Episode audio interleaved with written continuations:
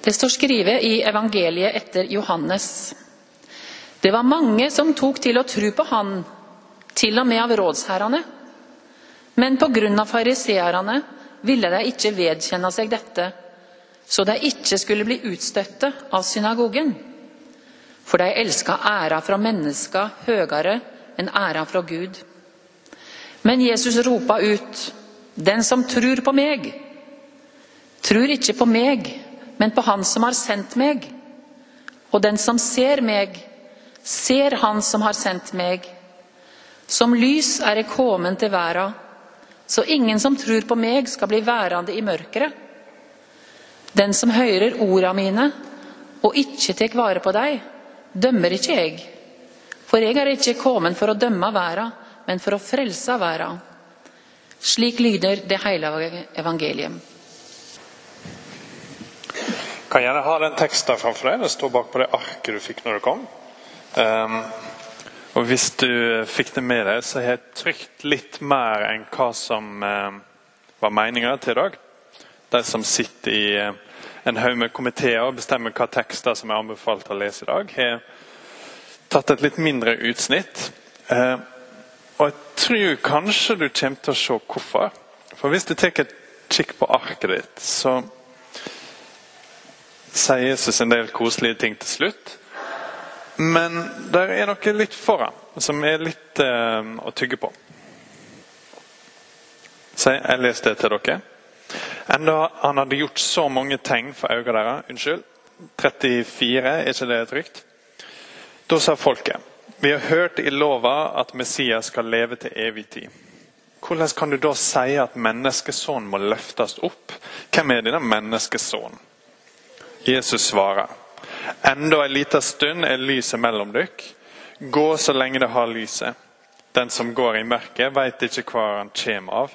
Tru på lyset så lenge det har lyset, så det kan bli barn av lyset. Da Jesus hadde sagt dette, gikk han bort og lønte seg for dem. Enda han hadde gjort så mange tegn for øynene deres, trodde de ikke på han. For det skulle bli oppfylt, det ordet som profeten Jesaja har talt. Herre, hvem trodde budskapen vår? Hvem var Herrens arm åpenbærer for? De kunne ikke tro for en annen sted sier Jesaja. Han har gjort øynene deres blinde og hjertet deres hardt. Så de ikke skal se med øynene og skjønne med hjertet og vende om seg for leke dem. Dette sa Jesaja fordi han så Jesu herligdom og tale om Jesus. Likevel var det mange som tok til å tro på han, til og med rådsherrene. Men pga. fariseerne ville de ikke vedkjenne seg dette, og så er vi inne på det hos Lasis. da. Der det er snakk om at Jesus sier den som tror på meg, tror ikke bare på meg, men Gud far står bak Jesus. på en måte. Vi skal se mer på det etterpå. Men eh, det som er tema i den biten som vi ikke las, det som ikke var satt opp til i dag, er egentlig et veldig godt spørsmål. Selv om det er et litt vanskelighet. Hvis Jesus er så fantastisk som han er framstilt i Bibelen. Og hvis han er så viktig som vi tror at han er her i kirka, hvorfor er det da mange gode, velmenende, skikkelige folk på Jesu tid som ikke tar imot ham? Du skulle nå tro at hvis Jesus var Messias, og hvis han var alt som var lova, sånn, så skulle han komme inn på scenen og så skulle alle bare Wow, her er han! Applaus og yes! Eh, nå er han endelig kommet. Nå kan vi følge han og høre på han, og så kommer alt til bare klikke på plass. Um, evangeliet er masse mer realistisk enn det. Og Det er en av tingene som gjør dem troverdige. At Jesus er ikke framstilt på den måten. Nesten tvert imot. Her, nå har vi kommet til Johannes kapittel 12. Og det avslutte på en måte det offentlige som Jesus gjorde, sånn som det framstilte i Johannes evangeliet. Han hadde sine turer rundt ikke sant? og helbreda folk og underviste. Og nå i resten av den boka så kommer det til å zoome veldig inn på påska, der Jesus er med sine nærmeste venner. med læresvenner. Så her er vi på en måte på det siste som han sier offentlig. da. Og Da henger spørsmålet litt i lufta har det egentlig gått så veldig bra, dette her? For det er tonnevis med folk som ikke er tatt imot det. Jesus sjøl virker nesten ikke som han eh, er så veldig bekymra men oss kan jo bli det litt. Sånn, ok, her er Messias. Her er sjølveste Gud. Jeg har ikke forventa litt mer eh, mottagelse. Så Vi kan se på vers 37, f.eks.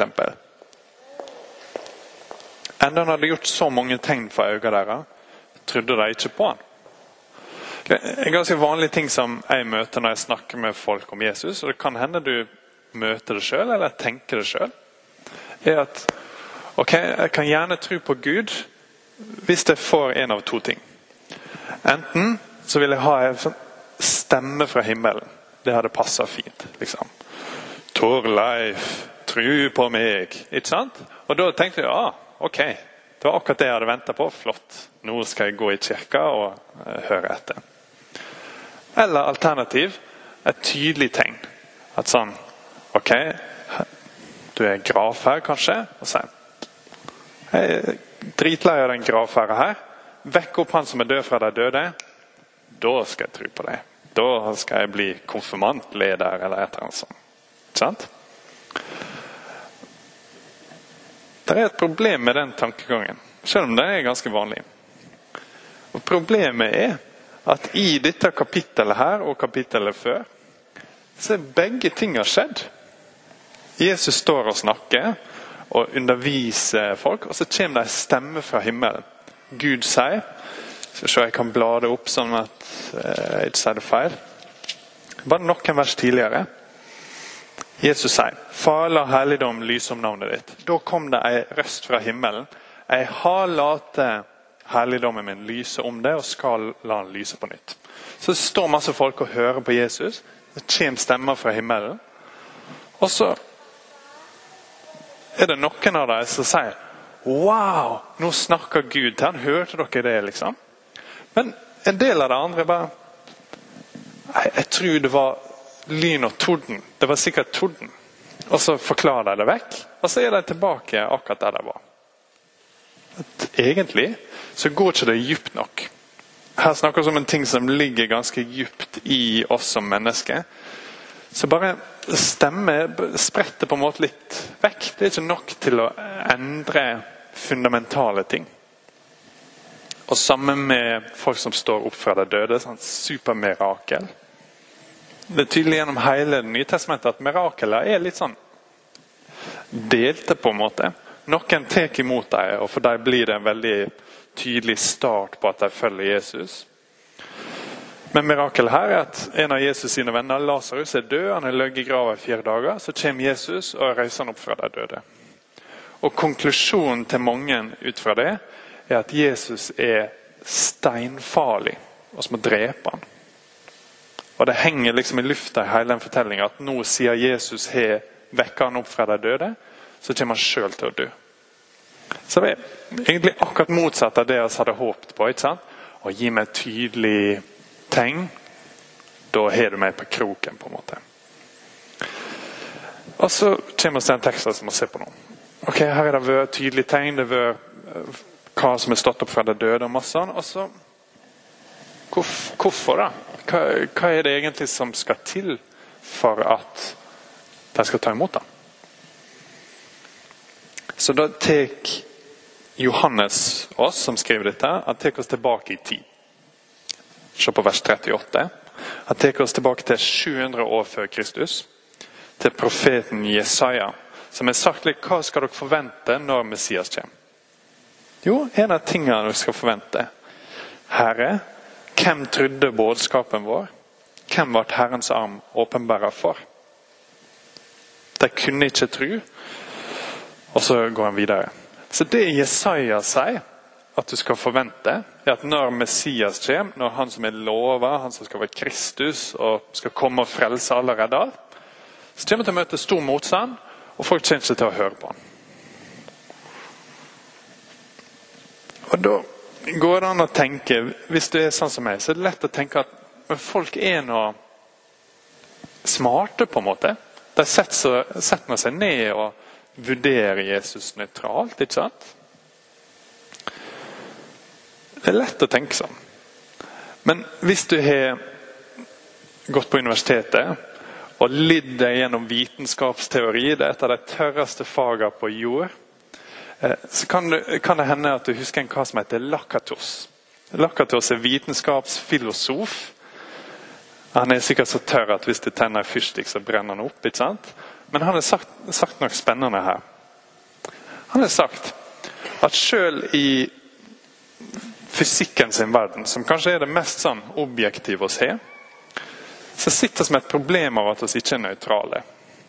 Og Hans eksempel er litt innfløkt, så hvis du vil slappe av litt, så kan du gjøre det nå, og så skal jeg hente det inn etterpå. Men hvis du liker fysikk, så vil du like dette.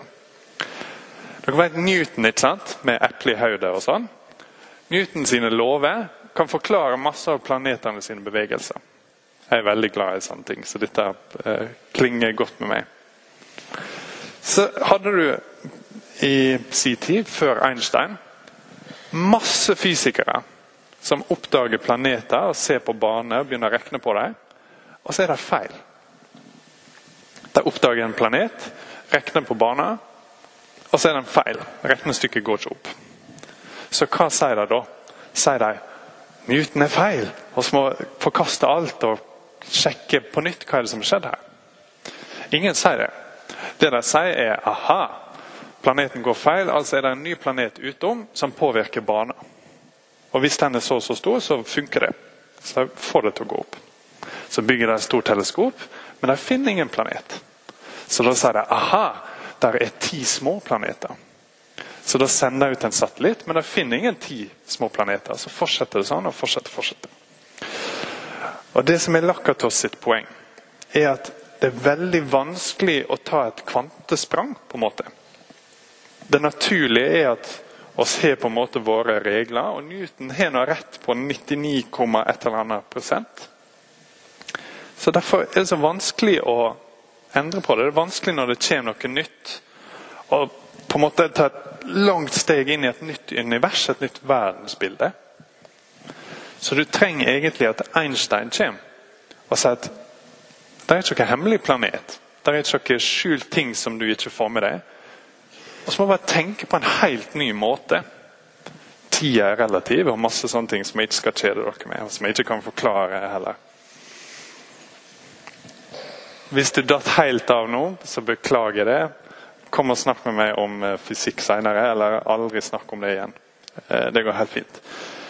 Poenget mitt tror jeg dere forstår. Det er at verdensbildet styrer hva vi kan se. Verdensbildet er som brillene du har på deg, eller kontaktlinsene. At det påvirker hva du kan se. Hvis jeg tar med linsene, og kona mi står langt nok vekke og heller opp fingre og tester hvor mange jeg ser Hun gjorde det i går kveld, faktisk. Så syns jeg det er vanskelig å se om hun her heller opp tre eller fire. På samme måte er det med verdensbildet. At Hvis du har et verdensbilde som tillater at Gud kan bli menneske, og at han kan komme for å frelse deg, da kan du se det.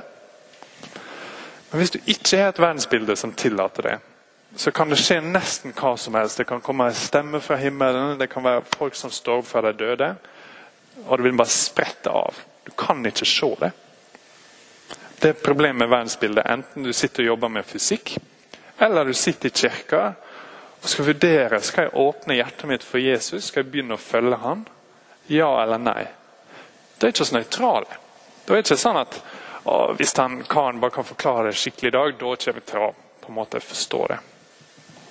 Det må skje noe litt dypere. Mm, og Her er det teksten blir litt skummel. Og Nå kommer dere kanskje til å se hvorfor den eh, ikke var satt opp til denne søndagen med hele teksten. For se hva som står i vers 40. Her er det snakk om Gud. Her er det snakk om hvorfor folk ikke tror på ham. Så står det Han har gjort øynene deres blinde og hjertet deres hardt, så de ikke skal se med øynene og skjønne med hjertet, og vende om så jeg får leke dem. Dette sa Jesaja fordi han så Jesu herligdom eh, og tale om Jesus. Så her tar teksten enda et skritt. Det er ikke bare at det ikke er lett å se, at vi ikke er nøytrale. på en måte. Det er til og med en dom fra Gud. Som kanskje er det minst populære temaet vi kan snakke om nå. Hva som en dommer, på en måte. Og til og med her er en dommer som ser ut som han heller oss vekke fra det gode. og Det er noe det motsatte egentlig av hva som er poenget med teksten. Eh, så hva er det som har skjedd i vers 40? Jeg tror En måte vi kan tenke på dette på, er Rundt Jesus nå så står det masse jødiske ledere og håper så hardt at han ikke er Messias. De har en hel politisk greie på gang, korrupsjonsgreie på gang. De tjener masse penger på måten det religiøse systemet ordner på. Jesus har kommet inn og snudd bordet på hodet. Og De er så lei denne karen, og de håper så djupt at han ikke er Messias. For det vil koste dem djupt og dyrt. Så da oppfyller Gud ønsket deres. De blir blinde. De klarer ikke å se. Og De får på en måte det de ønsker seg. Åh, Jeg håper sånn at Jesus ikke er Messias, for jeg tåler ikke trynet på den fyren. Tenker de. Så får de det oppfylt. Vers 40. Han blinder øynene deres, så de ser ikke. Eller du har andre folk som er nevnt også i tekster litt lenger nede. Um, likevel, 42. Eh, likevel var det mange som tok til å tro på han, til og med rådsherrene. Men pga. fariseeren ville de ikke vedkjenne seg dette, så de ikke skulle bli utstøtt av synagogen. For de elsker ære fra mennesket høyere enn ære fra Gud. Så samme greia. Og Jeg håper sånn at Jesus ikke er Messias. Hvis han er den han sier han er, kommer til å koste meg kjempemasse. Alle de folka som ser opp til meg når jeg er i synagogen på lørdag, de kommer til å begynne å kaste brød på meg og masse styr. Så jeg håper sånn at han ikke er den han er. Som en dom, som en straff for det ønsket, så får de det oppfylt. Det er en grusom ting, egentlig. Og den er kanskje, håper jeg, litt ukomfortabel også. For det går an å sitte i 2019 må vi begynne å si nå, og tenke Jeg håper ikke det Jesus sier om sex, eller om politikk, eller om økonomi. Han sier masse om penger.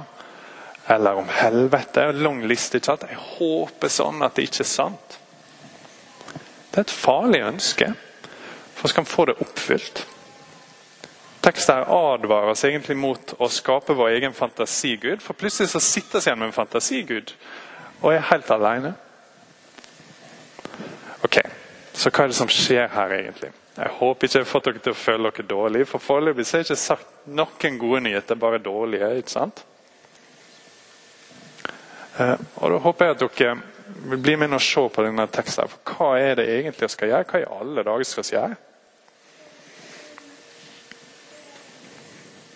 For vi må unngå denne fortvilte situasjonen. ikke sant? Vi må ikke sitte igjen med vår egen fantasigud, da er vi alene og så overlatt til oss sjøl. Bokstavelig talt. Til og med det som er større enn oss og som kan redde oss, er i så fall skapt av oss og er like langt. Så da sier Jesus, vers 44, den som tror på meg, tror ikke på meg, men på Han som er sendt meg. Far, Gud far. Og den som har sendt meg Den som ser meg, unnskyld, ser Han som har sendt meg. Som lys er kommet til verden, så ingen som tror på meg, skal bli værende i mørket. Den som hører ordene mine og ikke tar vare på dem, dømmer ikke jeg. For jeg er ikke kommet for å dømme verden, men for å frelse verden. Den som sier nei til meg og ikke tar imot ordene mine, har en dommer over seg. Det ordet jeg har talt, skal dømme ham på den siste dagen. På en måte så kan du si at Jesus kommer og så er han vannskille. At Han er ikke kommet for å dømme oss. Han er kommet for å frelse oss. Og når han kommer for å frelse, så er det noen som står der og virkelig håper at han ikke skal være den han sier han er. Og Da blir han vannskille. ikke sant? Sier du her elv som renner ned, og som deler seg i to elver, så er du et punkt der vannet enten må gå til høyre eller til venstre. Og etter det så kan det aldri komme tilbake, for du er forbi vannskillet. Så her sier Jesus at jeg er ikke kommet for å dømme noen, men ved at han er kommet, så deler plutselig folk sine grupper. For noen står der og tar imot han, og noen står der og håper så hardt at han ikke er den han sier han er. Men så sier han den som ser meg, ser Han som har sendt meg. Så ser du Jesus, så ser du Far, da ser du Gud, og da kjenner du Gud. Ser at jeg har brukt opp tida mi, men jeg kan, jeg kan egentlig ikke stoppe her. For da går dere hjem og så tenker dere forhåpentligvis litt på det jeg har sagt. Og så får dere dårlig samvittighet. For det jeg har sagt så langt, er ok, her er et stort problem, og så er ikke nøytrale. og så kan ikke bare bestemme oss for å ta imot Jesus, for det er mange ting på gang her. Men Jesus sier at ok, hvis du ser han, så kan du stru på han, og da ok. Men hvis du tenker litt på det, så kommer det til å bli en ganske stor byrde. ikke sant? Er oss folk som ser klart nok? Er oss de som er flinke nok til å ikke håpe, osv., osv., osv.? Så må vi se på en ting til. Ta, ta en kikk på vers 50. Her sier Jesus hva det er han kommer for å si. Han kommer for å tale Guds påbud. Og jeg vet at hans påbud er evig liv. Det sier jeg. Det sier jeg slik far har sagt meg det. Eh, Johannes-evangeliet slutter ikke her. Det som skjer i det neste steget, er at påska skjer. Jesus går til korset og dør for vår synd. Og Det står tydelig at han døde for oss mens oss enda var hans sine fiender. Mens oss enda var folk som håpte at det han sa, ikke var sant. Så gikk han og døde for oss. Mm, han kom ikke for å dømme oss, han kom for å bære vår dom på seg. Eh, så Det som er de gode nyhetene, det denne teksten virkelig handler om, og det hele Bibelen handler om, er at Gud er så god at han ikke overlot oss til oss sjøl. Dette er ikke en nøtt oss skal knekke. Det var en nøtt han skulle knekke. Og da måtte han bli knøkket sjøl. Så Jesus henger på korset og ber all vår avvisning av ham. Og På den måten så åpner han døra til Gud. Sånn at oss nå i Han står fri. Ikke til å være nøytrale, på en måte, men til å ta imot Han igjen. Det er ikke sånn at vannskillet er skjedd, og så kan vi aldri komme over i den elva der vi egentlig hadde lyst til å være. Den som renner mot sykkelen eller et eller annet sånt. Og så kan vi bytte. Enten du tror på han i dag, eller om du er helt bastant på at du ikke tror på han, så er ikke det for seint. Så kan hver dag gå til Jesus og si jeg vil følge deg. Jeg vil at den døden du døde, skal gjelde meg også. Jeg tror på deg. Da kommer jeg til å ta imot deg med åpne armer. Så at nå ser du meg, og når du ser meg, så ser du også far. Og han som er Jesus sin far vil bli din far og din Gud. Og det evige livet som Jesus kommer og snakker om, blir ditt. La oss gå til Gud i bønn. Jesus oss ber om at vi skal se, og at når vi ser, at vi da skal falle ned og gi oss sjøl til deg helt og fullt og med alt vi har. Amen.